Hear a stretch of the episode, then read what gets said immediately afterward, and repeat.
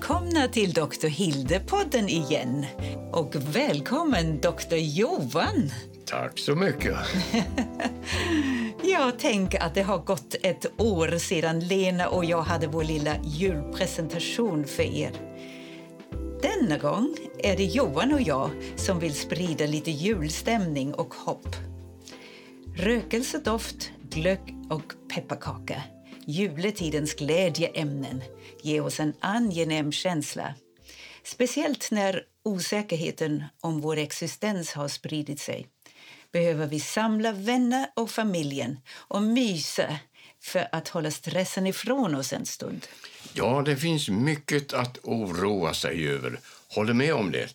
Men nu, du har ju varit i Tyskland alldeles nyss du, och du hade en present med dig till mig. En ny och tjock bok skriven av de mest uppmärksammade svenska personligheterna i Tyskland. Jag tror att denna flicka som jag syftar på är mycket mer populär i Tyskland än på hemmaplan. Gissa vem jag menar? Ja, klart. Och visst eh, Greta Thunberg. Det var faktiskt en stor intervju i tidskriften Der Stern den 13 oktober om Greta och om hennes stora klimatbok som skulle publiceras.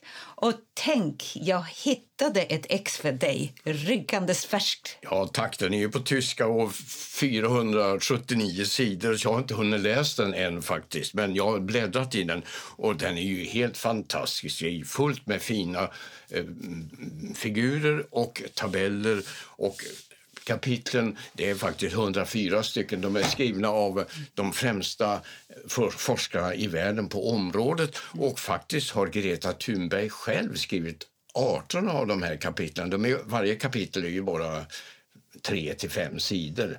Men det är ju stora sidor i boken dessutom. Och så det är mycket in, innehållsrikt. Jag kan verkligen rekommendera den. Ja, du har ju boken här framför dig. Ja. Vad spännande verkligen. Oj, det blir ja. ju bra jullitteratur. Här. Ja, jag har det att göra. Tack. ja. ja, vi hoppas ju att boken kommer att bli läst och tagen på allvar. Allt som sägs där är fakta och vetenskap. Och Det är naturligtvis vår främsta önskan för våra barn och barnbarn att livet kan fortsätta. Ja, det leder nu till vårt tema. Hur kan vi överleva och hålla oss friska? Ja, jag tror att vi har tagit oss vatten över huvudet att lösa en så svår fråga. Men ja, jag är ju doktor Hilde och vill hitta lösningar till var och en. Jag skulle säga att jag aldrig vill ge upp hoppet. Och på min mottagning försöker jag hitta lösningar för kvinnor som inte mår bra i övergångsåldern och därefter. Låt mig nu nämna lite om Tyskland och hur man ser på hormoner och kosttillskott där. Jag har ju nyss åkt till den årliga menopauskongressen av det tyska menopaussällskapet i Frankfurt.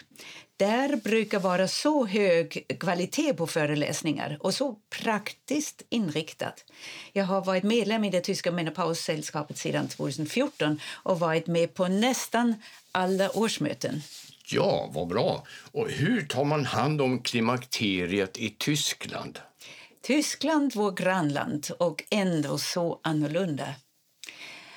Ja, i Tyskland tar gynekologerna hand om kvinnornas alla organ, kan man säga, alla kvinnliga organ i alla fall, även brösten. Det innebär att kvinnoläkaren måste kunna allt om förlossningar, sjukdomar i brösten, främst bröstcancer, sen livmodern, äggstockar, underlivet och allt om hormonella förändringar genom livet.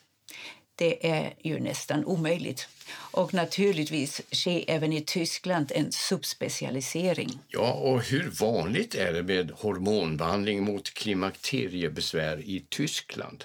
Ja, tyvärr är det samma problem i Tyskland med okunskap om fördelar och eventuella risker med hormoner efter menopausen.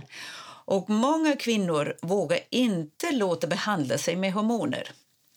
Majoriteten av tyska kvinnor är mycket skeptiska och har många fördomar mot hormonbehandling. Därför har min tyska bok Hormonbehandling in den Wechseljahren, alles zu Fakten und Mythen, som säljs på Springer förlag, säkert betydelse. Jag har ju skrivit en liknande bok som min bok Hormonkarusellen som är på svenska, då, alltså på tyska för den tyska kvinnan. Och I Tyskland är det i första hand gynekologen som tar hand om klimakteriebesvär. Ja, som det har varit här tidigare. Är det krångligt att få bioidentiska hormoner i Tyskland? Nej, egentligen inte. Läkemedlet finns ju på apotek i Tyskland. Behandlingen med kroppsidentiska eller bioidentiska hormoner är integrerat sedan länge och rekommenderas som hormonbehandling i klimakteriet som första val idag. Mm. Dock är behandlingen i Tyskland präglad av andra traditioner. Om en kvinna söker för klimakteriebesvär så föreslår man oftast naturläkemedel först och ger en återbesökstid. Om det inte hjälper då går man vidare med hormoner. Det finns också läkare som arbetar med homeopati som komplement. Man kan nog säga att det finns en större öppenhet i hela hälsosystemet i Tyskland som i sin tur har historiska rötter. Självklart finns det nationella behandlingsriktlinjer man ska hålla sig till. Ja, om man nu jämför dessa olika hälsosystem, finns det då något område där vi i Sverige möjligen är lite före eller bättre? Ja, det finns en hel del vi får beundran för från tyskt håll.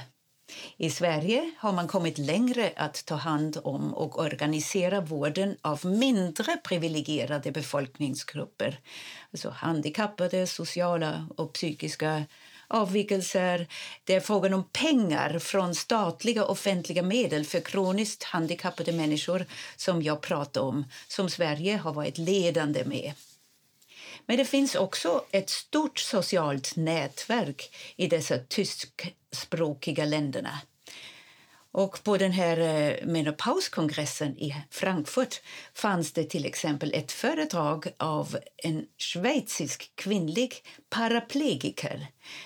Ja, det är alltså en tvärsnittsförlamad kvinna i rullstol som var förlamad från mitten av ryggmärgen och nedåt.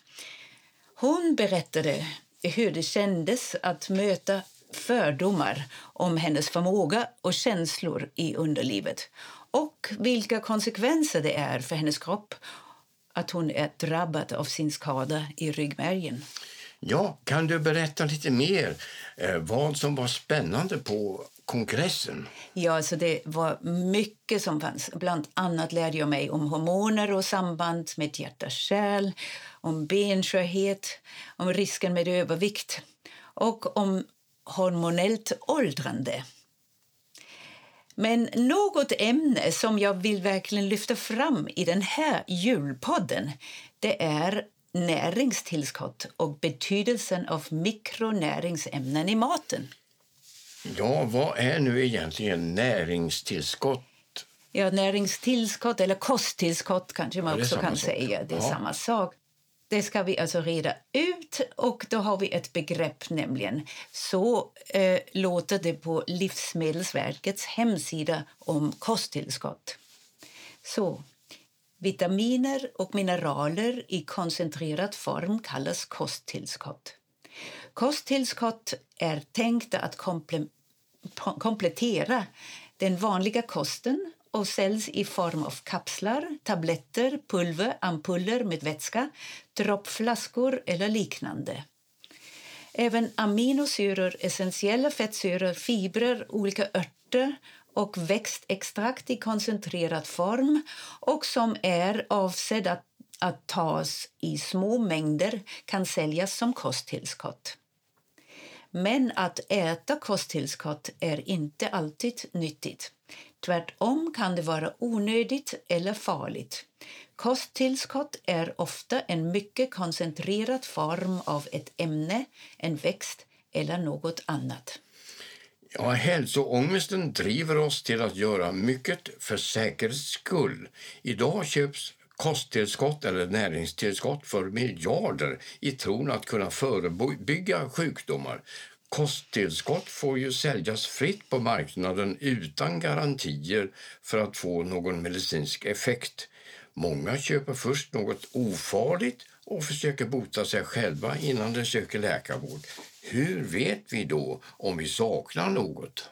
Ja, det är ju inte så lätt att fastställa en individuell brist på vitaminer, mineraler eller andra naturliga ämnen som fetter och aminosyror.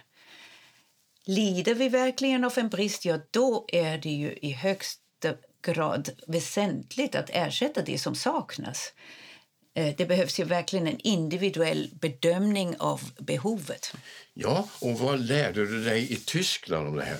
Ja, det, jag tycker det här är ett sånt intressant och viktigt ämne. Därför jag frågas ju väldigt ofta om eh, ja, vad ska jag ta mer än hormoner.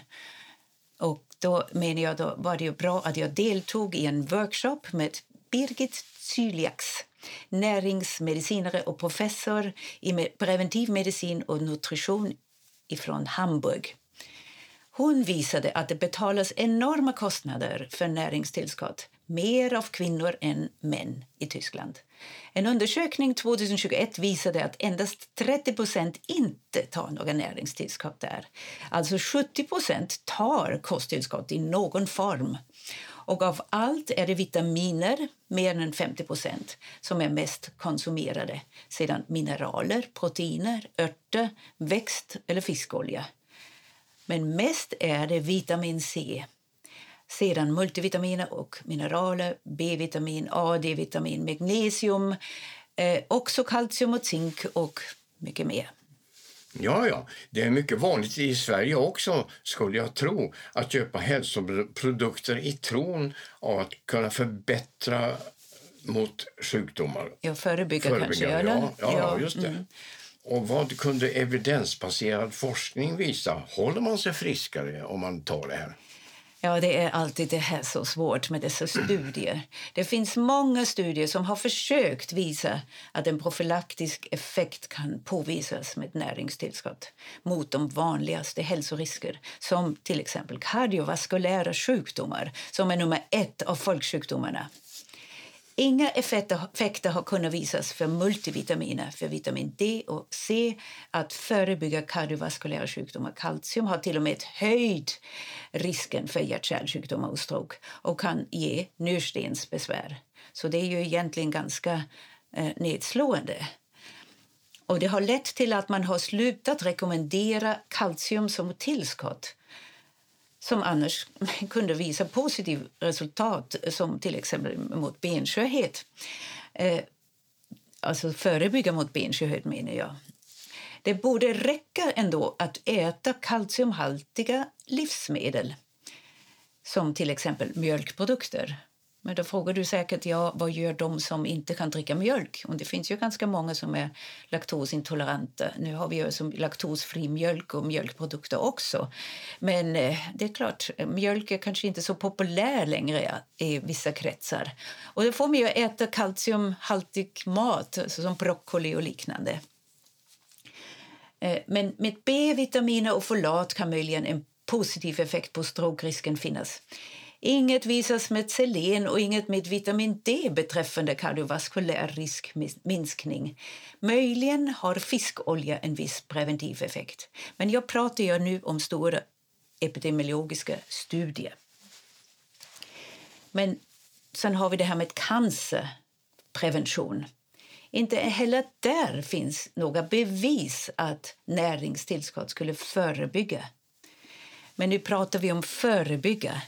Och då menar jag det viktigaste är ju att vi inte ska röka. För rökning är den vanligaste orsaken för cancer. Det ska undvikas till varje pris. Osund mat och livsstil samt alkohol är ju också något vi kan ändra. Och fetma är en stark riskfaktor för cancer. Där kan alltså preventiva åtgärder spela stor roll. Så vi kan ändra livsstilen för att förebygga. Det menar de. Det är det viktigaste. Inget mm. quick fix med hälsopiller. Mm. Men Johan, hur ser du på till exempel vitamin D? Ja, alltså det har skrivits många artiklar i Svenska läkartidningen om vitamin D, hur man, hur man mäter det och hur fort det, hur, hur det kan omvandlas i huden Och då har man ju visat att det faktiskt behövs mycket solbestrålning eh, av mörkhyade människor som bor i Sverige. Och, framför, och under den mörka årstiden på vintern då har de D-vitaminbrist. Och eh, för några år sedan så, för över tio år sedan så mätte man D-vitamin på en stor befolkningsgrupp och fann att eh, de hade för låga värden helt enkelt. Och sedan dess har man nu beslutat att berika vissa näringsämnen med D-vitamin, till exempel den här havremjölken. Och det skulle man börja med 2018 och så hade man två, år två år på sig att uh, uppnå resultat. Så det, nu, nu är det ju på gång att uh, all mat som ska näringsberikas blir näringsberikad också. Mm. Men som sagt, man behöver ju, det här är komplicerat. Man behöver också ha en normal njurfunktion för att D-vitaminnivåerna ska vara normala.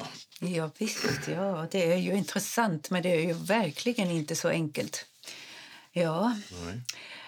Ja, eh, man ska ju naturligtvis eh, behandla en brist. Eh, det eh, råder naturligtvis en, också en stor brist av vitamin D hos befolkningen i Tyskland. Alltså, det säger de i alla fall på kongressen. Och de nämnde siffror upp till 80 procent, men alltså, det låter ju lite märkligt trots allt. Det var väl vad var det, 20 procent brist tror jag, på den där studien där i, i Sverige som hade då en nivå under 50 nanomol per liter. Eh, men det var ju en viss ut, utsatt ja. Man måste läsa hela studien och ja. verkligen ta reda på hur har de valt ut patienterna för, mm. för, som ingår i studien ja. överhuvudtaget. Ja, visst. Men eh, det, det, kan ju vara en relativ brist på vintern när det är mörkt. Och sen är det väl också att vissa utsatta befolkningsgrupper som äldre människor som inte rör sig ut alls, de sitter ju på sina hem, kommer ju knappast ut. De måste väl ändå ha eh, vitamin D-brist. Ja, säkert. Mm. Ja, vi kan ju heller inte ge samma dos av D-vitamintillskott till alla för säkerhets skull. Det kan ju bli för mycket för en del. Ja, precis. Ska vi alltså då gå ut och mäta om vi har en brist? Och ska vi mäta även om vi mår bra? Och hur känner man av en vitamin D-brist egentligen? Ja, sannolikt märker man inte av en tillfällig brist direkt. En stor brist har man ju sett hos barn som har haft eh, så kallad rakit. Det är en bristsjukdom som orsakas av D-vitaminbrist och det leder till mjukt skelett och benen håller inte för tyngden utan de blir hjulbenta de här människorna men idag förekommer inte, inte rakit på grund av brist på D-vitamin utan det är det svåra lever-, tarm och njurskador som ligger bakom. Ja. Alltså, det är vi i alla fall eniga om en brist ska man alltid ersätta. Eh, men också ska man ge vitamin D till äldre människor för att förebygga osteoporos, eller hur? Ja. Och det finns ju studier att eh, det är också bra med vitamin D om man har en förhöjd infektionsbenägenhet. har jag hört talas om. Alltså det skulle betyda att immunsystemet har nytta av en extra, eh, eh, tillskott, ett, ett, extra tillskott av vitamin D under svåra tider som nu under pandemin. Eh, men problemet är väl att vi inte har tillförlitliga studier än över vad folk verkligen äter i övrigt. För det är ju renodlat vitamin D. Det är ju svårt att veta hur mycket fisk de äter och lite annat. Alltså man kan ju kanske äta för mycket av det goda som du säger. Och eh, studier finns ändå eh, mest, inte på maten, men det finns ju på näringstillskott. Ja, ja alltså det är ju svårt om en människa är frisk och inte har någon brist. Då räcker det väl med, egentligen med alla näringsämnen som vi får genom maten om man äter normal näringsrik mat. Ja, och sen som du sa också är det ju eh, dessutom tillskott i livsmedel. Alltså de ja. är ju vitaminiserade och eh, berikade. Och då används det ju också för att stabilisera, göra dem hållbara, gör optiskt lockande delvis också. Men är vår mat tillräckligt bra? Det är verkligen en fråga. Och det diskuterade vi också på kongressen. Det var så här vi diskuterade utarmning av mar marken, eh, användning av pesticider, brist på näringsämnen på grund av att eh, det vi odlar växer alldeles för fort.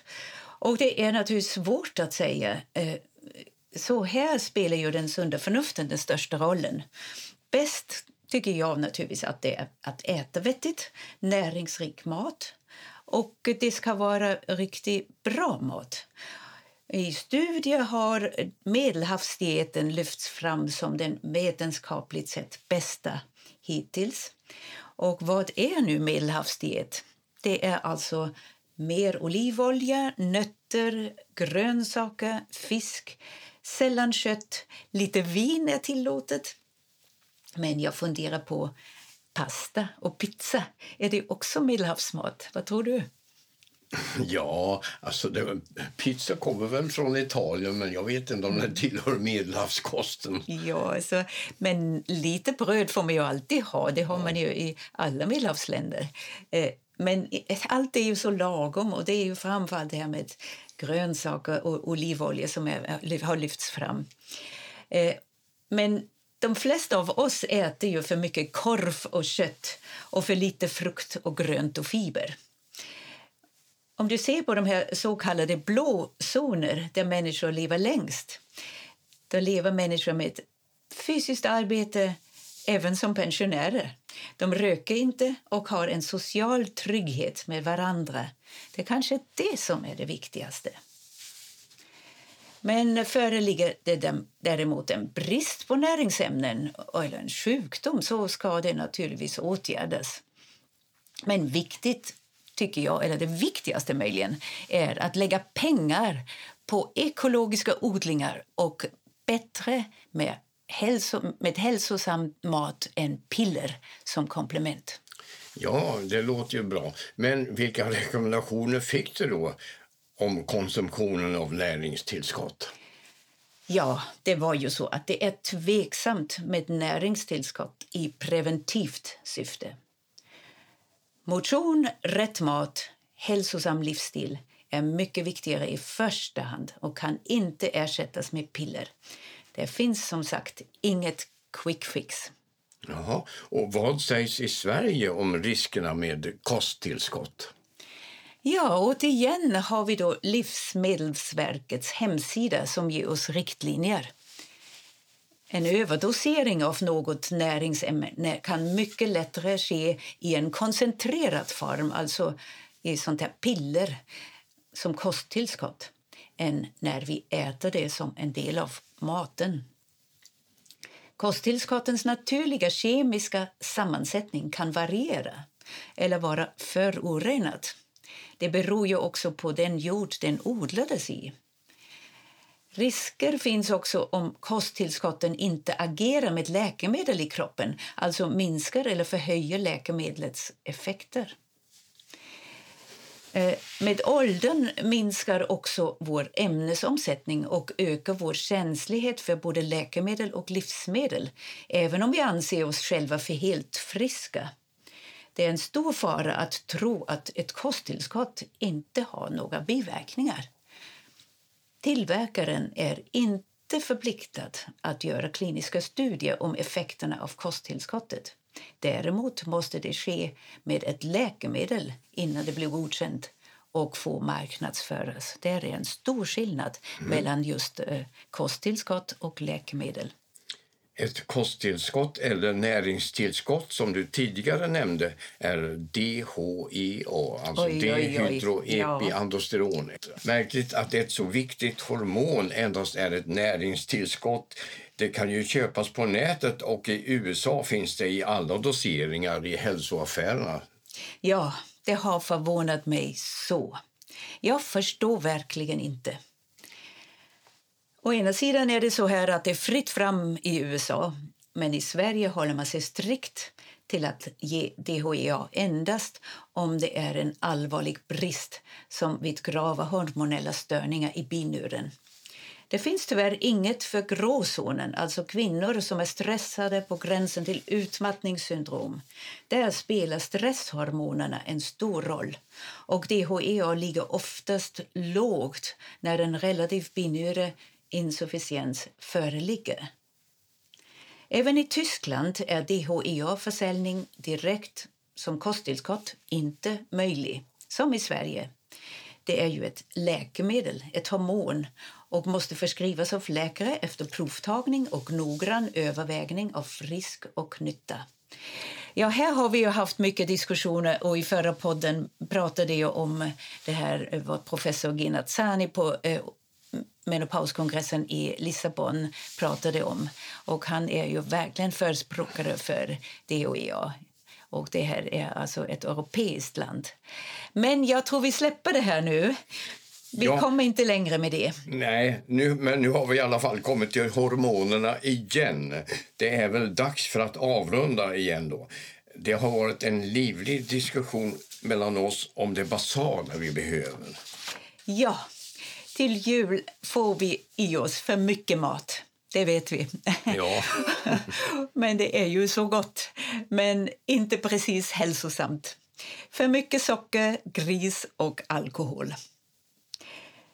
Tänk på vår jord och anpassa er.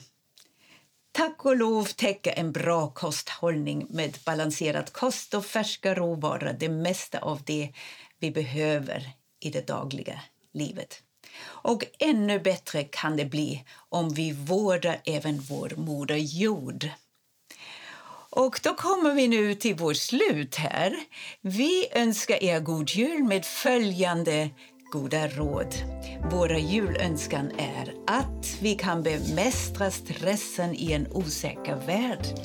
Och att vi inte faller offer för fake news. Att ansvarskänslan infinner sig och att vi begränsar oss och tar hänsyn till naturen. Och att förnuftet segrar.